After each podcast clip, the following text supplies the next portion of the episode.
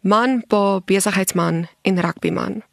Dit was wie Louis van Straaten tot en met 25 Januarie 2013 was. 'n Bysteek en 'n allergiese reaksie het Louis egter in die intensiewe sorgeenheid laat beland waar hy vir 6 weke gebly het. Sy kinders, geloof en positiwiteit het hom geanker, hoewel talle mense van mening was dat hy nooit weer die man sou wees wat hy was nie. Ten spyte van breinskade het Louis nooit gaan lê nie. Vandag is hy 'n aktiewe man en het selfs al aan die Comrades Marathon en die Eysterman kompetisie deelgeneem. Louis kuier vanoggend in Marula Media se ateljee om sy getuienis met ons te deel. Louis, vertel my 'n bietjie meer oor jou storie. Wat het in 2013 met jou gebeur? 2013 25 Januarie het by my gesteek. 6 weke in ICU, hart het 3 keer gaan staan, kognitiewe voorloop het seer gekry as gevolg van suurstoftekort, so ek het apraksia gekry, klein motories. Kon nie knope losmaak nie, kon nie knope vasmaak nie, kon nie skryf nie, kon nie lees nie.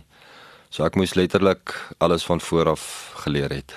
Vertel my 'n bietjie meer oor die bysteek voorval en hoekom dit gelei het tot jy wat in die hospitaal opgeneem is en gegaan het waar jy gegaan het. Ek was 'n operational manager by Atterbury gewees. Ek het so 28 geboue se maintenance, cleaning, landscaping, sekuriteit, al daai goed gedoen.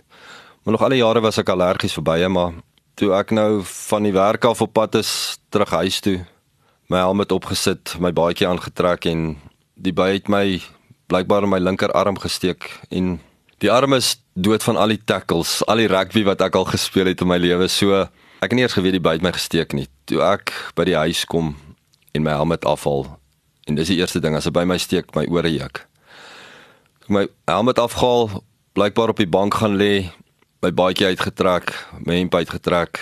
My oudste seun, Wian, het die angel in my arm gesien en hy het opgehardloop na my kamer toe. Daar's altyd 'n celestamine pilletjie afgekom my in my gesig geklap, sê pappa, pappa word wakker en ongelukkig daai het ek my bewussyn verloor. Dankbaar dat ek eers by die huis gekom het. Ek sê ek dink seker dankbaar dat ek by die huis gekom het. Vader se hand was seker oor my gewees. Toe die ambulans hulle 3 keer afgesny. Melanie het die ambulans 3 keer gebel. Hulle het hulle net afgesny en toe bel Wian, my seun, hy was 9 jaar oud. Toe bel hy my skoonma, sy's by crisis on call. Toe sa ouetjie paramedic Frans was sit by sy vrou en sy twee kinders en sy vrou sê vir hom: "Hoekom trek jy nie uit nie? Jy's klaar van diens af." Hy sê: "Nee, maar daar's iets fout." In my geestelike oog het die Heilige Gees hom seker na my toe gelei. Ek het op die bank gelê, hy het my adrenalien in my hart gespuit. Hy het my in die ambulans gesit, my pyp in my keel gedruk. Ek dink is nog in die ambulans by Eugene Marais Hospitaal het ek daaraan gekom soos 'n in 'n fetusposisie en toe het hulle my gesok 3 keer. En van ICU weet ek nie regtig veel nie. Net wat almal my vertel het wat ek ervaar het. Wel ek het niks ervaar in die ICU nie. Ek het net wat almal my vertel het. Hulle het in 'n stadium gedink dat jy dalk breindood mag wees. Sammy was een van die dokters wat saam met Melanie by Wonderboom was. Voorverlede Woensdag het ek daar vir hulle kom kuier en toe sê sy vir my ek kan nie glo die ou wat ek dood gesien het in die hospitaal kom kuier vir ons nie. So my brein het seer gekry. Hulle het my amper brein dood verklaar.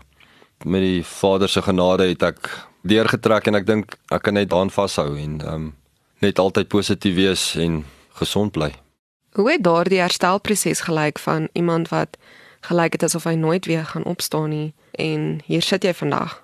weer die 3 maande in rehab ek kon nie eers 'n 500 gram barbel in my arm net net met 'n bicep curl doen nie. So dit was vir my baie frustrerend. Ek was 'n gebroke man. Dit was was vir my baie taaf geweest om om al hierdie goeters deur te vat en deur te gaan en net positief te bly. Dit was nie lekker geweest nie. Hierdie het ongelooflike trauma in jou lewe veroorsaak maar jy het nie gaan lê nie. Wat het jou sterk gehou? Toe ek daar in 'n glaskas gelê het en die kinders vra vir mamma, gaan pappa dit maak of gaan pappa dit nie maak nie. Dink ek het net aan my kinders gedink om dat hulle daarom net weer 'n pa kan hê wat wat ek saam met hulle kan rugby speel en weer kan saam met hulle kan Bybel lees en sulke goeie. So ja, ek dink my kinders en die familie wat ek gehad het, dit het my deurgetrek. Sonder positiwiteit sou jy nie vandag hier gesit het nie. So vertel my bietjie meer van jou hart en uh hoe dit sterk gebly het en positief gebly het. Toe ek na die 5-dae pro die hospitaal uit gekom het, my kinders was in Vera Park in Eldorein. Toe hulle nog jonger nog jonger was en Vian en Franco het rugby gespeel by Vera Park. Weet dan so ek vir sê ek het vir Melanie die kar gegee. So ek het maar maar met my fiets wat my ma en my pa vir ons gedoen het, het ek maar met my fiets van Eugene Marie Hospitaal af of ek dink ek het daai tyd by my sussie gebly daar in um, Waterkloof. Het ek maar met my fiets Vera Park toe gery en die kinders gaan ondersteun met hulle sport want dis wat my ma en pa vir ons gedoen het as kinders. Toe hulle nou ouer word, toe het Wian sy eerste atletiek kompetisie daar by Swartkops. Toe het ek teruggetrek na my huis toe van my waar ek by my sussie gebly het in Waterkloof. Daar by Eugene Marie Hospitaal. En dan laat weet Melanie my Wian het atletiek toe raak. Dis maar ook oor die weg kom. So ek het vir 7 jaar lank, 8 jaar lank het ek net fiets gery. So dan het Wian atletiek daar by Swartkops aan raak maar met die so met my fiets Swartkops toe om my om my kind te kan ondersteun. En om daar te wees en net daai dankie pappa. Laat pappa daar is. Dis vir my ek dink jy dankie is so klein woordjie maar is so powerful woordjie om net te wees en net te sê daai drukkie dankie pappa. In 2018 was jy reg om weer jou sportiewe sy opnuut te verken. Jy het aan die Comrades deelgeneem. Vertel my 'n bietjie meer daaroor. Dit was seker 'n ongelooflike gevoel van oorwinning. Ja. Dit was my heel eerste Comrades, hard geoefen. Ah, ek dink ek oefen maar altyd hard. Dit is maar rugby gene. So daai 2 weke voor die Comrades het ek bietjie siek geword. Weer eens nie laat gaan lê nie. So ek het nog steeds geoefen wat ek eintlik seker nie moes gedoen het nie, maar ek het na Kelly's toe gegaan en Kelly's het my gesê hoor hierso ek gee vir 2 weke gee ek jou antibiotika. Twee dae voor die tyd het ek weer na Kelly's toe gegaan en hy het gesê oké okay, jy's reg. Jou organe, al die goeters bloed bloeddruk alles 100%. Jy's reg om te hardloop. So daai oggend 5:00 het ons aangemeld daar by die Comrades. Ek wil nog altyd 'n bou rou en hardloop. Daar begin as die Comrades begin dan daar's 'n hoender wat kekkel. Dan sit Chariots of Fire en dan as die kanon skoot en dan trek jy daar weg soos 'n pyl uit 'n boog uit en ek dink dis waar ek um, begin het. Die adrenalien het gepomp en ja, gehardloop paar keer vir mense gevra tyd tyd tyd want my horlosie het gaan staan. Toe vra ek ek wil graag 'n bou rou hardloop sê neem jy nog vinniger hardloop vinniger hardloop. En op die toe ons by die waar jy afsny afsnypunt toe het ek net net net die afsluitpunt gemaak. En ehm um, hard gehardloop om daar te kom. En ek dink daai het my daai het my wiele afgeval. En ehm um, nog steeds gehardloop geloop gedraf gehardloop gedraf gehardloop gedraf. En ja net na 12 ure 20 minute daar by die stadion aangekom dis donker ek het net vir myself gesê jy oefen amper 1500 kg op jou bene vir die Comrades. So dis nie elke oggend 5 uur opstaan.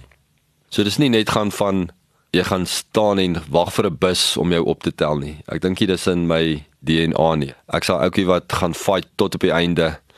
Toe ek by die stadion aangekom, toe dit letterlik dit was donker geweest. Daar was omtrent niemand meer op die stadion in die in die in die paviljoen geweest nie.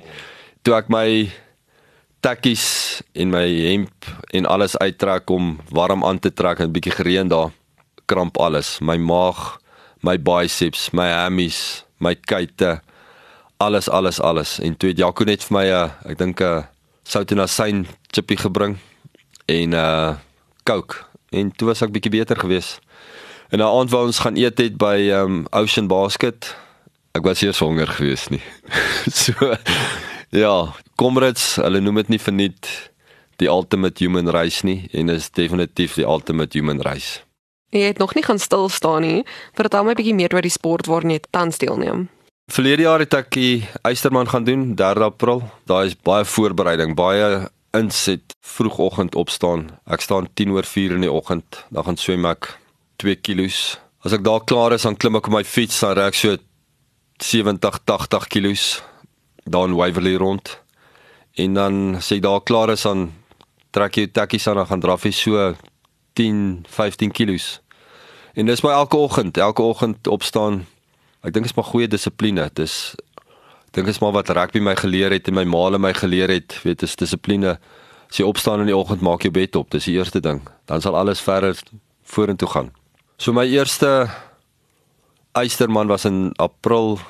Ek het hard geoefen vir die Eysterman en toe wou hulle nie gehad ons moet swem nie. Die see was te rof. Ek verstaan dit in 'n mate, um, maar ek het o, bitter hard geoefen vir die swem.